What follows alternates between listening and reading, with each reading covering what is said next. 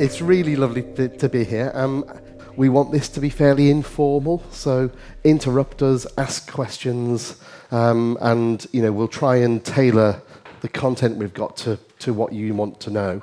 So we've got we've got a bit of time to do that. As I said, we want to be quite informal. We, we've got a ton of information. We don't really don't want to just stand here and just show you PowerPoint slides all day. So we'd like it to be more of a conversation. Um, we are going to um, show you a little bit of the material from uh, Audience Atlas Sweden, and particularly we're going to show you some material from the west of Sweden. This is a fraction of what we've got. Um, the, uh, the full uh, report for Audience Atlas, which is a, a, huge population study, is free. It's available for free. Um, we're going to email it to everyone?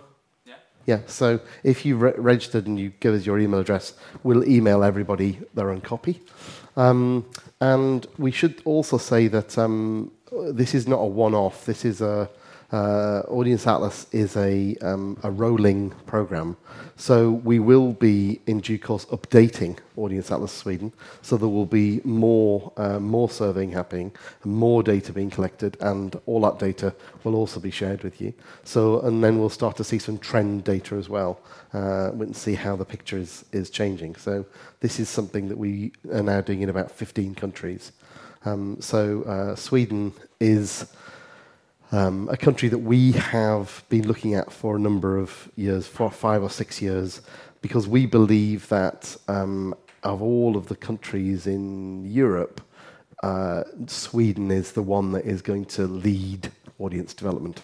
Um, we think that for a number of reasons, but we, we think that the conditions are right uh, and the level of interest there is in organizations here means that in the next five years, what happens in Sweden in terms of audience development is going to put Sweden at the forefront of what's happening in Europe. Um, and we would think, um, and this might be a bold statement, we think that that will put Sweden ahead of everyone in Europe, including the UK. And the UK has been doing audience development for quite a long time, but it's been doing it really badly. And um, we've made every mistake it's possible to make, and some of them twice. Um, so, um, so there's a lot to learn from the UK, but a lot of what you can learn is how not to do it. So, um, so I think that there's a kind of audience development 2.0 that Sweden could do, avoiding all of the pitfalls. Um, so, um, so there's great examples from the UK and from elsewhere, but I really genuinely think that Sweden could be, could be the leader uh, in this, and the next five years is going to going to show that, I think. So, um, so that's why we want to do Audience Atlas here. We want to actually get some really good data about audiences. We want to see the change happening over that five-year period. We want to put that data into your hands so that you can actually uh, use that to, to drive um, your engagement with audiences. So we're going to show you some data about that. We're going to also share some information about the culture segment system. The culture segment system is also free, um, so there's a lot of information, uh, much of it in Swedish, uh, available on our website. You can just download it. So a lot of organizations can just take that information and use it um, as kind of intelligence. You could just apply it to your own situation without any, uh, you know, anything else.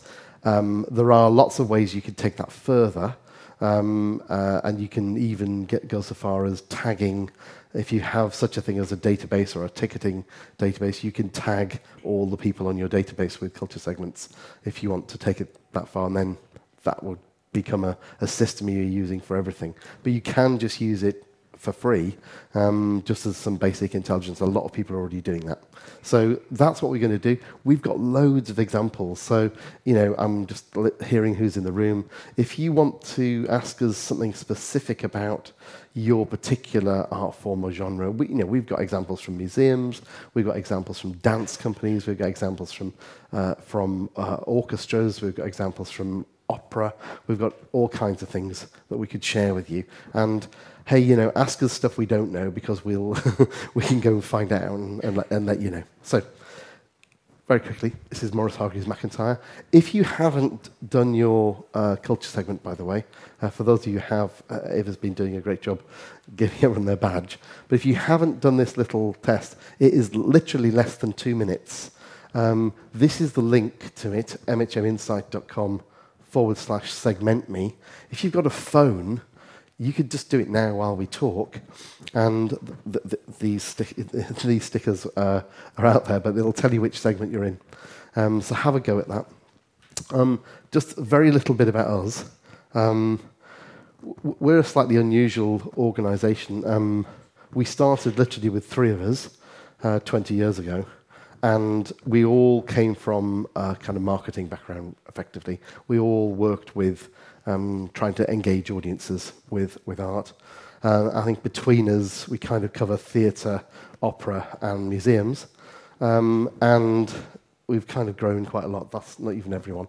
There are now, I think, 48 or 50 um, consultants and project managers and uh, analysts and whatever. So we're a slightly unusual organisation. So we have a uh, we have headquarters in Manchester in the UK, where there are about uh, 35, 40 people. Then we have a few people in London. Then we have some people in uh, Sydney, Australia, and then also in Auckland, New Zealand. So um, of kind of growing. But it's a kind of unusual uh, organisation. If you come in, visit our headquarters in Manchester, which you, which you did a few weeks ago. Um, it's odd, isn't it? Because there's like a huge room full of people who are all just delving into the relationship between arts organisations and audiences. That's all they're doing all day. Um, so it's kind of interesting just wandering around, having a look over their shoulders, seeing what they're working on. And some of the stuff they're working on is quite interesting. Um, and, uh, and so there's a lot of information, a lot of knowledge. And our, our um, philosophy is very simple. We believe we should just share everything. Um, we don't want to be, you know, we're a, effectively a private um, uh, company. We, um, we, we make our living from doing this, but um, we try not to keep everything uh, you know, secret. Uh, we, we'll, we give everything away. Um, it, it's been quite a good business um, principle so far. We, we seem to still be in work. Um, but we think if we give everything we know away to everyone, um, people seem to keep asking us for more, so that's fine. Um, but also, I think it adds uh, rocket fuel. And we also would encourage our clients to do the same. Um, you know, when they do something, they should share it with the sector as well, because you know we are not in competition with each other. We're, we're really not in competition with each other. We're all working to try and get people to do more cultural activity. We're in competition with everything else. Um, so, so that, that's the spirit in which we share it. Um, and this is our kind of mantra, really. We are completely fascinated by audiences and by what makes them tick, what, what's going on inside their heads. We're, we're, we're, we're fascinated by what's happening you know, in, a, in, an, in a, an orchestral concert where people are sitting there uh, with the, listening to the music. What, what's, what's going on inside your head? Um, I mean, neuroscientists are now beginning to map that and watch how people's brains are lighting up. But we're kind of interested in how people would talk about that, how people would explain what's happening, what is it that motivates them to come, but equally what, what prevents them from coming, what, what puts them off, what, what makes them anxious about trying a new art form. Um, it's the same when you stand in front of a, a, a, an exhibit in a museum or a, painting in an art museum. What's actually going on inside your head? So your relationship, the relationship between you and the art, and also the relationship between you and the organization that's presenting the art. So is that a, an ongoing thing? Is that a lifelong relationship that you're having? Is that, uh, is that an, a relationship that helps you explore art? So we're kind of interested in how do we build community around our institutions, but also how do we do that understanding how people are actually engaging with the art itself. And so um, apologies for those of you with the word marketing in your job title. I, I, I used to have that in my job title. Um, we think that marketing uh, skills are essential. You know, we need experts like you who are specialists in communication. But that marketing itself is, um, is not necessarily the way that organizations are going to connect to audiences. For too long, we've been trying to sell tickets to people. Um, we we have this thing we say we say stop trying to sell tickets, make people want to buy them. Um, and you know, if you're an organisation that doesn't sell tickets, that's even easier. Um, so it's it's the idea of how do we build relationships between between uh, the public and art, and between the public and our and our institutions, and how do we create value from those relationships and selling to people is, is actually not a way of building value. It's not a very efficient way of building value. And in fact, the more aggressively you sell to people, actually that can destroy value. So, um, so, uh, so we're, we're much more interested in taking some of the magic of how people experience art and, and borrowing some of that for how they experience our organizations. And you know, we, we're the organization that brings you this amazing thing. We're not the organization that aggressively sells you a ticket to have this magical experience. So it's kind of interesting. We, we're interested in how, how do people understand who we are and how do people understand the art we do. Does that kind of make sense? So this, this level of fascination is, is key. I'm going to hand over to Joss just to tell you a little bit about Audience Atlas itself. Um, you have to push your Hello, buttons. everybody. Can you hear me? Okay? Yeah. Hi, so my name's Josh Luckin, and I'm a um, consultant with Morris Hargreaves McIntyre. I oversee our kind of Scandinavian operation, um, which at the moment is very much focused in Stockholm, but we're looking outwards from Stockholm. So, what I'm going to do is very quickly introduce to you the Audience at Atlas study um, and give you some of the kind of headline findings about the structure of the market, um, the size of potential for different art forms um, and for different venues within Western Sweden. Okay? I'm not used to this microphone, so let me know if I start if you start losing me, okay? So, what is Audience Atlas? Audience Atlas is a large scale study of the market for culture within a given region. It is administered online as a long survey, so it's about 20 minutes long. Um, and crucially, it doesn't just look at people who are already engaged, it looks at the entire market. So, in these studies, we take a very, very broad definition of culture. So, it includes things like cinema, for example. Um, it also includes things like informal cultural participation. So people who um, paint at home and sketch and draw at home, that kind of thing. More on that in a second. So we have conducted these studies in 15 countries, 15 countries now, so all over the world. And the powerful thing about it is they use a common set of questions. So the data can be compared reliably and consistently within a territory and across different territories. So we can tell you with a fair degree of certainty what the culture market looks like in Sweden compared to the UK, compared to Brazil, compared to China, compared to all the places you see a star on that map. Yeah? The Sweden study was funded by Stockholm Stat, so Stockholm City. Um, it contains data, market sizing data for 34 different art forms, some of which are on there. And it names over 70 venues. So it actually actively names venues from um, the west of Sweden, the south of Sweden, where we're going tomorrow, and also Stockholm as well. Okay? One of the really interesting things we can do with the data, and I will return to this in a moment, is we can look at crossover between art forms and also between venues. So we can tell you where the shared audiences are. So there might be individuals who have tr- tried one thing but have never tried another thing, but might be open to doing that in future. And we can pinpoint quite accurately using the data who those individuals are, and we can give you clues as to how to target them.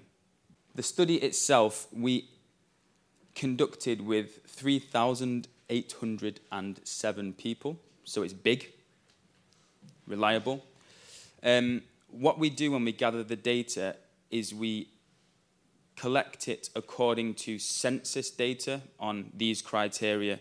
So it accurately reflects the population of Sweden based on geography, where people live, based on how old they are, and based on their gender identity, and also based on their highest level of educational attainment, which is basically the closest proxy we can get to social grade, social class. So the idea is that when we gather the data, we make sure it maps onto the population as accurately as we, as we possibly can against these four criteria. So it's representative. Yeah? The definition of culture we've taken is very big. It includes 95% there or thereabouts of the adult population. So it's important to say this study doesn't include children. So when I show you the population stats, they might look a bit lower than what you might anticipate, but that's because it doesn't include under 16s. Yeah?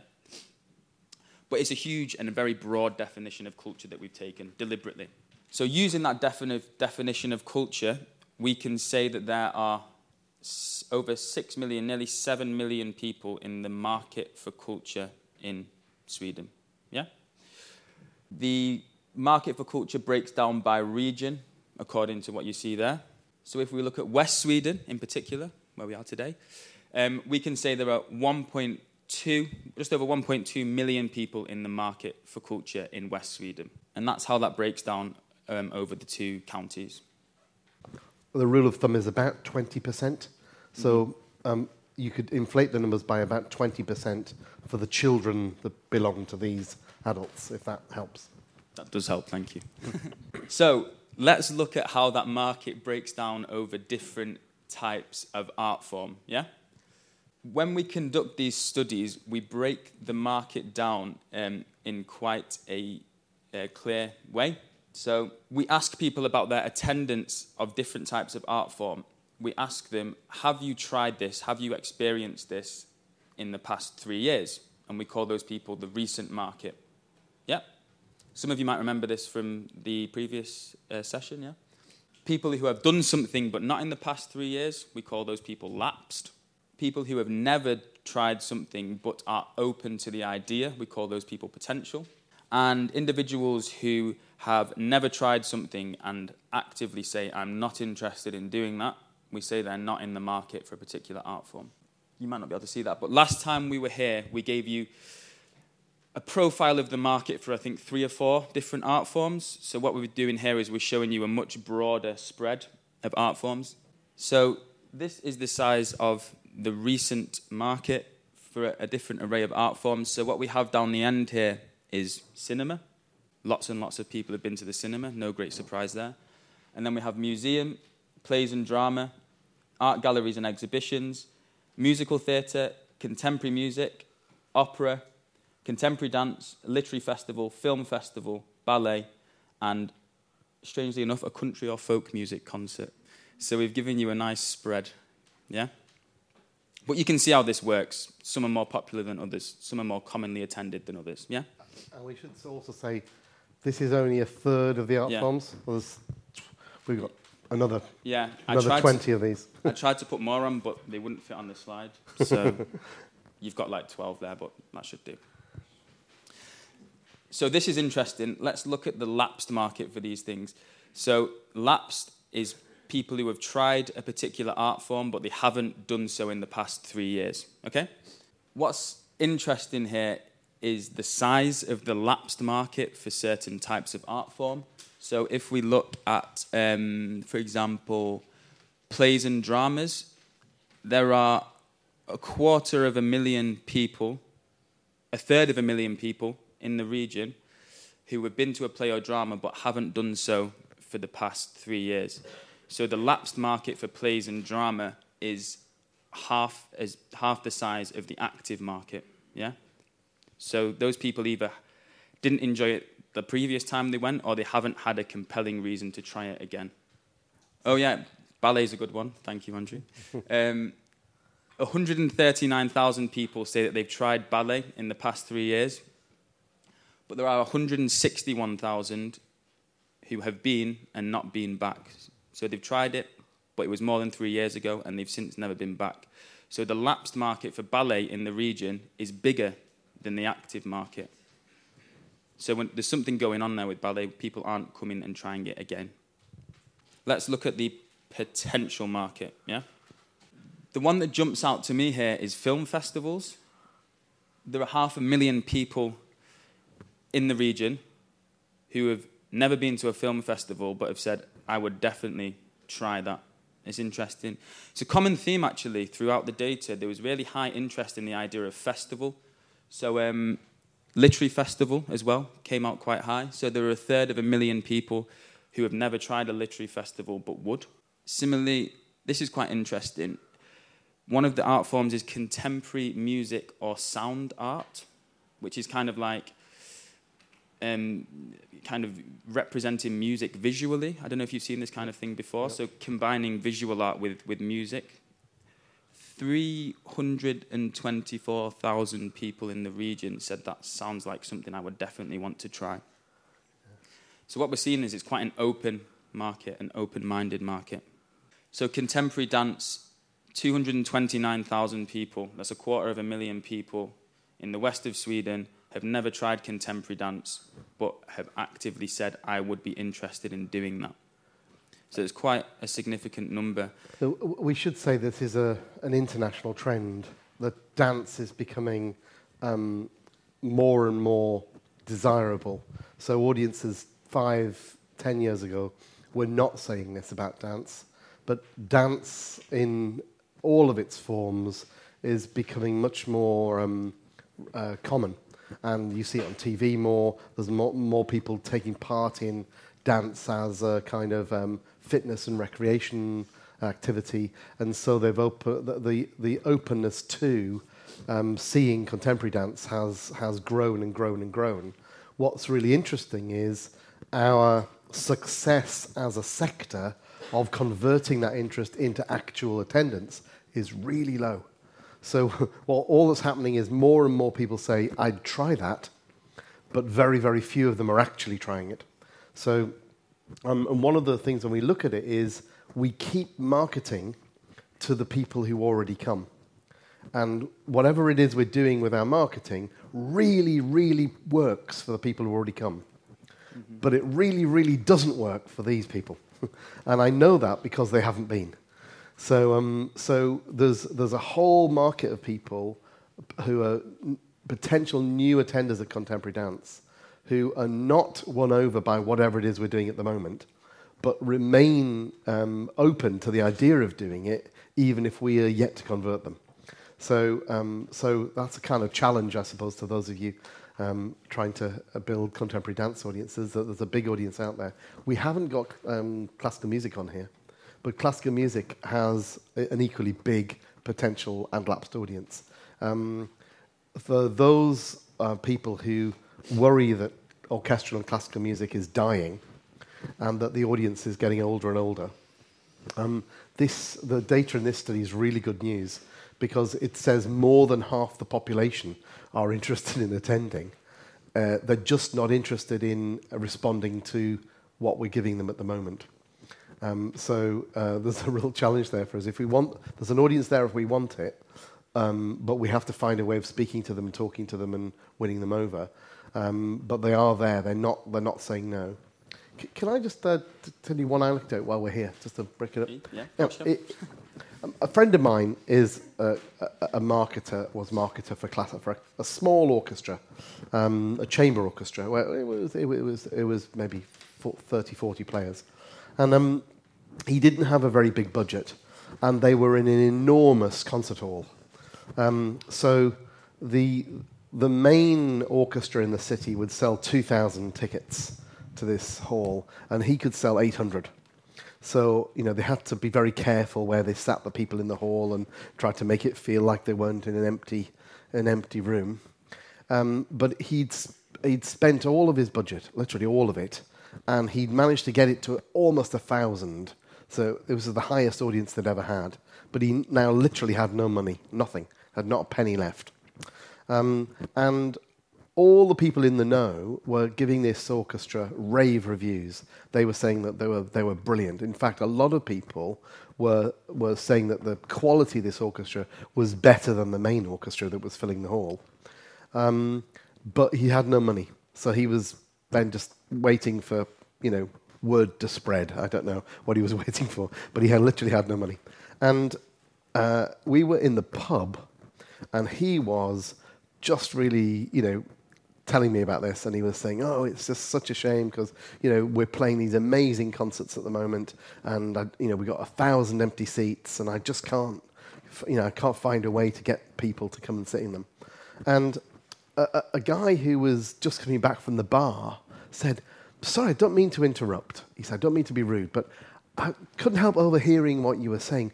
It sounded really interesting. What, what is it you do? So my friend Jeremy said, "Oh well, I, I, work for an orchestra and whatever." And he said, "What? So like like live music?" And he and he, he said, "Yes, yes." What? What? There are like live classical concerts. And he said, "Yeah." He said, "Oh, I've not never thought of that. I've always just thought of it as being on CD or on the radio." But you, actually, where do these? Where, where, are they? And he said, "Well, they're in the they're in the concert hall, you know." And um, and so he said, "Well, I'll tell you what." He said, um, uh, and, and this guy said, "My wife bought me um, uh, a CD uh, f- uh, for Christmas that, uh, that I have in the car, and I, I love listening to it when, when I'm driving. But that's really all the only classical music I've ever heard.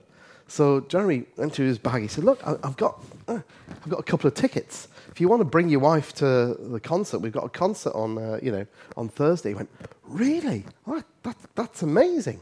So he, he said, and we said, "What a nice what a nice man." We went back to our conversation. Anyway, within five minutes, a couple of other people came up and said, uh, "There's a man over there saying you're giving away tickets for a for a concert." Well, by the end of the evening, half the pub was coming to the concert, and that's just a random pub in Manchester.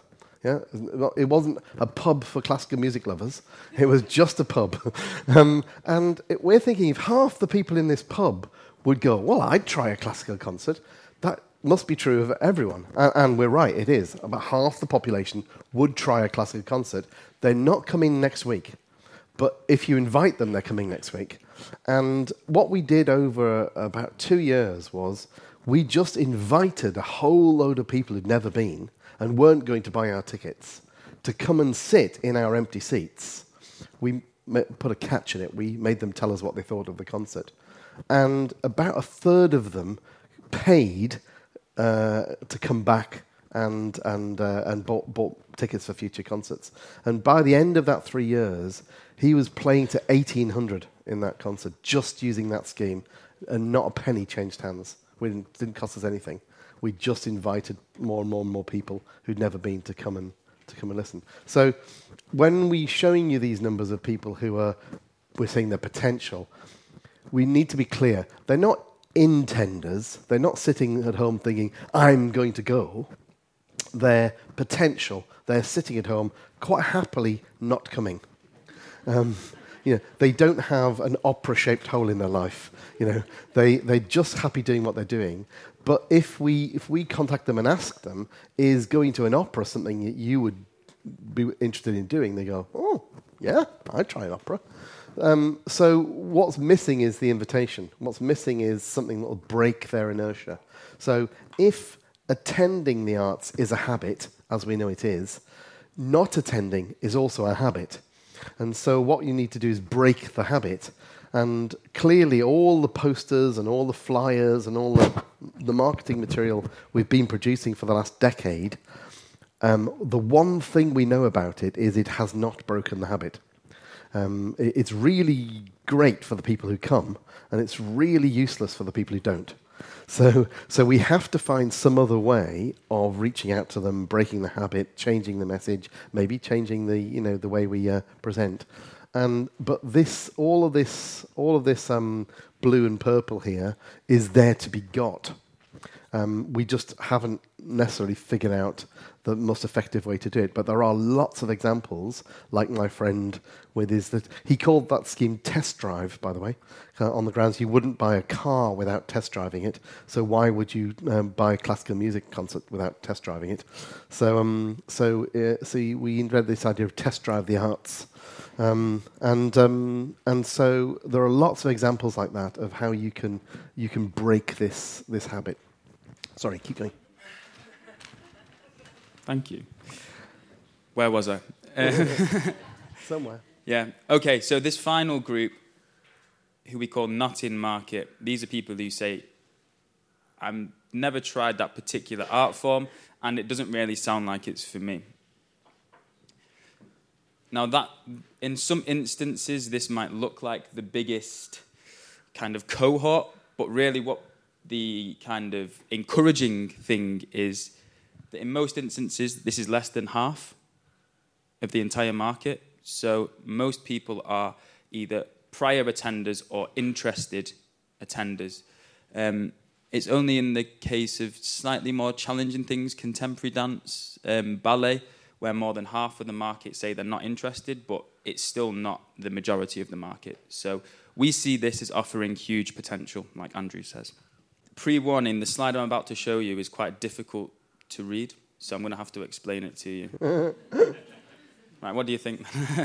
um, right, so basically, what this shows is art form crossover, and I'll explain what that means the people, the, the kind of groups at the top are people who have tried a particular art form in the past three years. And down the side are art forms that they've not tried but would be interested in trying in future. Does that make sense as a principle? Okay.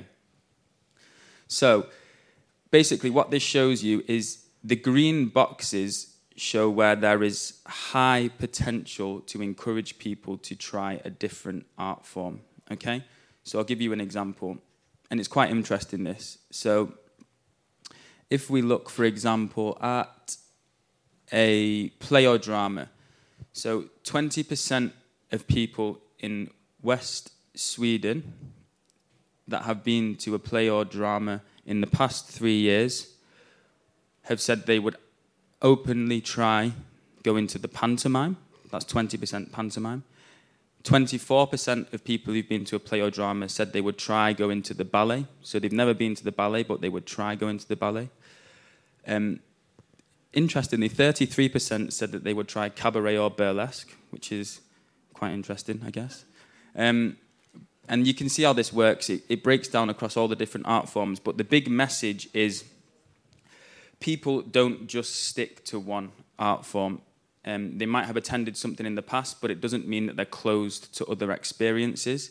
Um, particularly um, if you have a box office of attenders, then there's huge potential to encourage people to try new things, to cross over and give something else a go.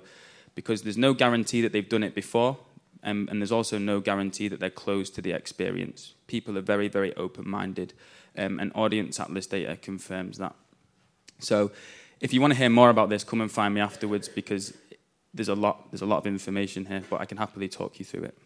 Okay, so let's look at the size of the market for some different venues. So I told you before that the study named 34 venues in West Sweden.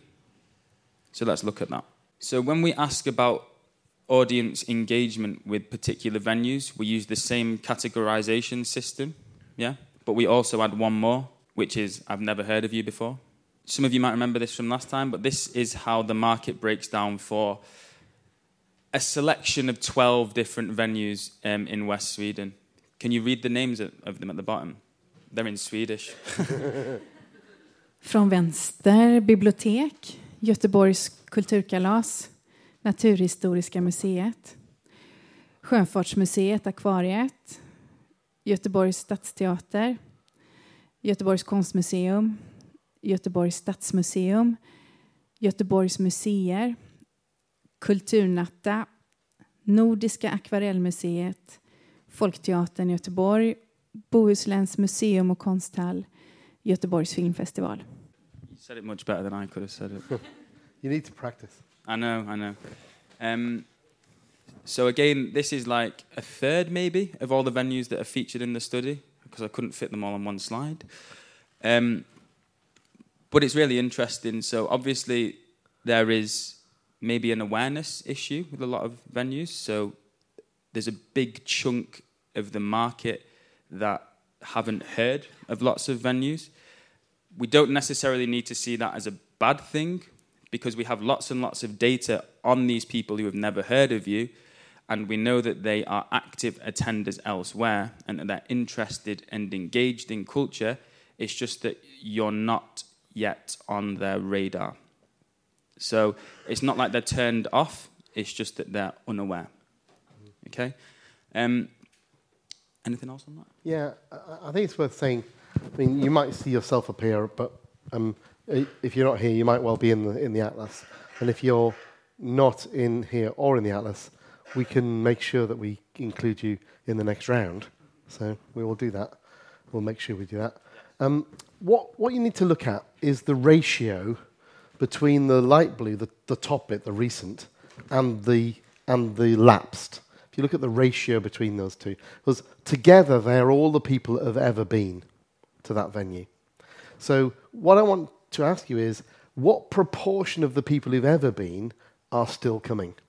What proportion have you hung on to? What, what proportion have you let through your fingers? So if you're um, the bibliotech there, that's pretty good, isn't it? Nearly everyone who's ever been is still coming. But if you're, um, I don't know, Natural History Museum, um, there are as many people, it's about half, there are as many people who've been and not been back as there are still coming. So you've kept about half the audience. Um, and then uh, yeah, uh, so you can kind of see how that works. So, um, so if depending on how big the lapsed audience is, in terms of audience development strategy, um, the big challenge for you is retention. Uh, you know, it's it's um, it's like there's a hole in the bottom of your bucket. You're working really, really hard filling the bucket, but the audience is also drilling through a hole in the bottom. So unless you can work out a way to hang on to your audience, it may not be a smart move just to keep getting more and more people and putting them into your bucket until you've filled the hole. Um, you need to work out how to keep people.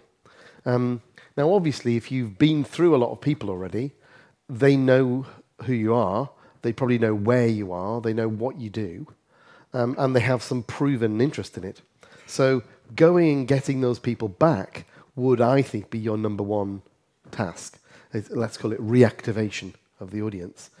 You could go out and just get loads of new people, but um, you're just going to make the, the lapsed uh, pool bigger. That's effectively what you're going to do. Please. Uh, uh, could these people have maybe just uh, been to the venues, taken a coffee, or have um, they? Uh, yeah, p- potentially. We didn't, um, because of the scale of the study, we don't ask them whether they've, the extent of their engagement. So, yes, if you're a well known place that people could go for a coffee, that could be true. Uh, if you're in the park, which you are. so, it's, um, that could be the case. But what I would say is that, um, that broadly speaking, this will be right. Um, the, the, uh, if you kind of think of it as, as a number of different things here. If, you, if you've got a large number of people in lapsed, the, the two things you need to do is um, work out a strategy for keeping people. So, what is it that's, that means that people don't come back? Is it that they've been and they think they've seen it and they don't need to come back? So, if you're a, a museum, do they think they've seen the museum and nothing is going to change and there's no reason to return? So, in, there may be a programming issue here. You may need to give them reason to return. Um, and you need to fix that before you go at, back out to those people who used to come and say, come back and try it again, because you have to have something for them to come, reason for them to return. And let's just say you were successful and you got them all to come back and try you. You don't just want that to be once as well. You want that, that to be the beginning of uh, uh, something. So, for those organizations that have that have um, not hung on to their audience, you need to work out how to keep people, and then, and then you need to work out how to get them to come back. For those organisations that, that are not that, that's not so much the uh, the case. The Bibliothek, uh, the Göteborg uh, Culture Palace, uh, uh, and uh, you know one or two others, maybe um, uh, maybe even the film festival. The problem um, here is that um, well, if you've got um, a, a large potential, and, and there's not a lot of potential here, except for the film festival. Film festival's very uh, big. Is you have to work out how to convert those people. But the biggest thing on here is lack of awareness. So um, for some organisations, it's like people have never heard of you. So um, it's quite easy to believe because you've heard of you, and everyone you know has heard of you, uh, and you're working really hard. Um, it is kind of easy to believe that everyone must have heard of us, and we put millions of posters up, and we're all on social media. So it's kind of difficult to believe that 50% of the audience don't know who you are, um, but that's the case. And what's interesting here is you shouldn't necessarily see that as a negative. Um, if everyone had heard of you and no one wanted to come, that would be a problem. the fact the fact that they haven't heard of you is maybe good news because what, what, what this is showing is once people have heard of you, they're actually quite interested. Um, so, so maybe you know if you've if you've got a way to keep people, and you you know you can go out and get the people you've lost, but actually if you've got a way a good way to keep people, you just need to find a way to go and get these these people who've never heard of you to become aware of you. So raising awareness is kind of um, interesting here. Um, I think that what what this chart really shows is um, uh, us, when people become aware of you, most of them are interested in attending. Um, yes, we do have this by geography. Depending on the size of the venue, we might run out of data quite quickly. So if it's a if it's only uh, twenty uh, percent of people or twenty five percent of people have heard of you, it would be the sample in West Sweden um, by twenty five percent.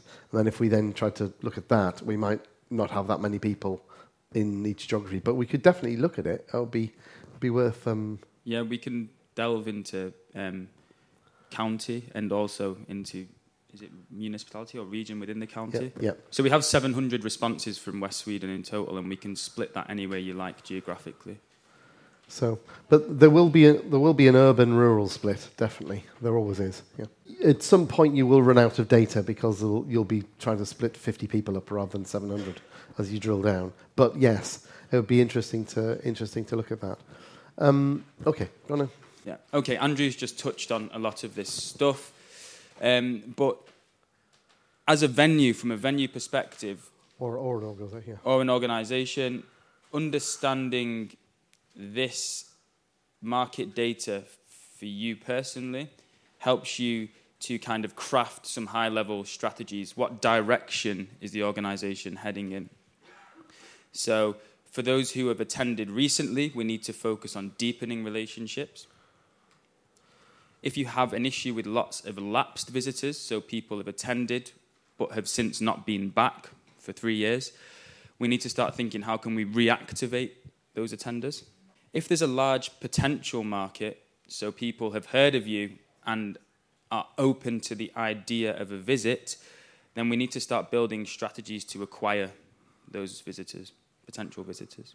If there are people who have heard of you and actively say, I'm not interested in attending and I never have attended, then that requires probably a more fundamental shift in how you are presenting yourself and the type of work you're programming, which would basically be a repositioning for new audiences. And obviously, if people haven't heard of you, you need to take measures to raise your profile. Yeah, does that make sense? Okay. Good.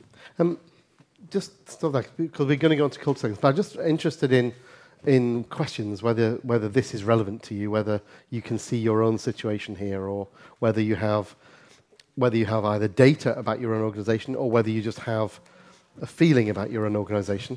Um, but you know, we we do this a lot for a lot of different organisations in a lot of different countries in a lot of different art forms. So if there's stuff you want to ask us or or just just comment that might be quite interesting. Um, is anybody in one of these situations at the moment? Uh, uh, uh, uh, are you pursuing any of these strategies? Give us an example. I think it would be interesting to use a real example. To bring pe- bring people back. To reactivate, Uh, yeah. yes, to reactivate people because we. Uh, I think that's the easy, easy way to get them. Yeah. Not try to reach those ones in, in, in the bottom of the slide. Yeah. Somebody did a, a study. Um, you always take these with a slight pinch of salt, but th- I take the point, which is they reckoned it was 14 times easier and cheaper to get someone to come back than it was to get a new person to come for the first time. because you know, they're, they're already in a, effectively a warm audience.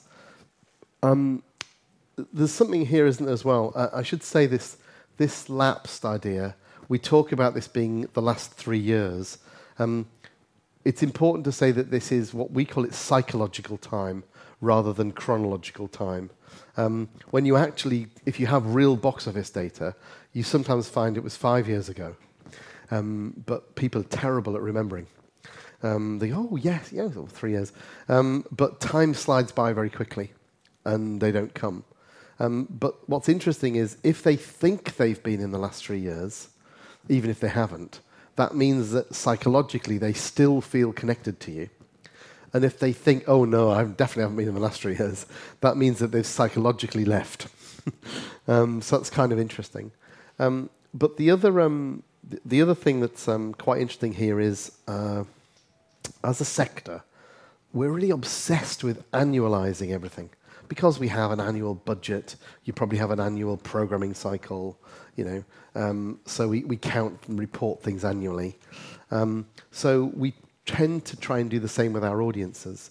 And there's a, there's a kind of minimum expectation that uh, the proper audience, the real audience, come at least once a year. Because, you know, we put on this huge cycle of work. And if you ignore a whole year, then you can't you're you're not a real member of the audience. You're a, some kind of, you know, passerby. Um, well, what's really interesting is if you if you really dig into people's attendance patterns, um, for some art forms, it's not uncommon for people to have a, a, an interval of, say, 28 months, 31 months. That, that would be quite normal. So, Ian, if you go to a ballet or a classical concert, or maybe even a, you know, a, a play, um, you, you could easily let 28, 29, 30 months go past before you kind of think it's time to go again. Um, and for, for, for you know, there's a lot of UK organisations who have traditionally thought that those people are not worth chasing anymore. You know, we'll send you one brochure, and if you don't book, we'll be quite surprised um, because you booked last year. And then so we'll send you another one. And then if you don't book for that, if you go two years and you haven't booked anything, that's 24 months, you're dead to us. We've literally, that we've cut you off now. So we don't bother mailing people who haven't been in the last two years on the grounds that pff, are useless. But actually, they're the people that are just ready to come back. And just at the point where they think it's their turn to come back is when we stop telling them about what's on. It's kind of, it couldn't be worse. um, and so, i- i- even in this room, you, you guys all work in the arts. I'm going to bet you that there is some venue or some art form that you go to occasionally that you quite like, but you don't do it all the time, but you maybe go every couple of years. Uh, am I right? Yeah. Uh, for me, it would be jazz. If you'd ask me if I like jazz, I go, oh, I love jazz. Right, so when was the last time you went, Andrew? Um, so I, I, um, I, I remember doing a survey and, and ticked the box to say that I've been to jazz in the last 12 months. And um, one of my colleagues, looking over my shoulder, said, You haven't been to jazz in the last 12 months. I said, Yes, I have. And they said, Where did you go to jazz? And I said, Well, I went to the Band on the Wall, which is a, a venue in Manchester. They said, Andrew, it's been closed for two years for, for refurbishment. I was like, Okay, maybe it was three years ago. Um, so, and I work, I work in the arts. You know, so it's, it's interesting is, is the idea of infrequency as a norm is something that maybe we should be more accepting of. Hey, you know, it'd be great to get it from 28 months to 26 months. That would be that would be fantastic. But there are huge audiences there that are kind of in really slow orbit around us, and we can see the people that are spinning around very quickly. They're very visible, but there are these really slow audiences just just just orbiting us, and and there are a lot of them. Previous slide, a lot of them. So I I think this idea of reactivation. Uh, c- can I just ask? Uh, thank you for sharing your example, but can I just ask what kind of things are you doing to um, to try and reactivate people? What what what initiatives are you taking? Sorry to put you on the spot. no problem.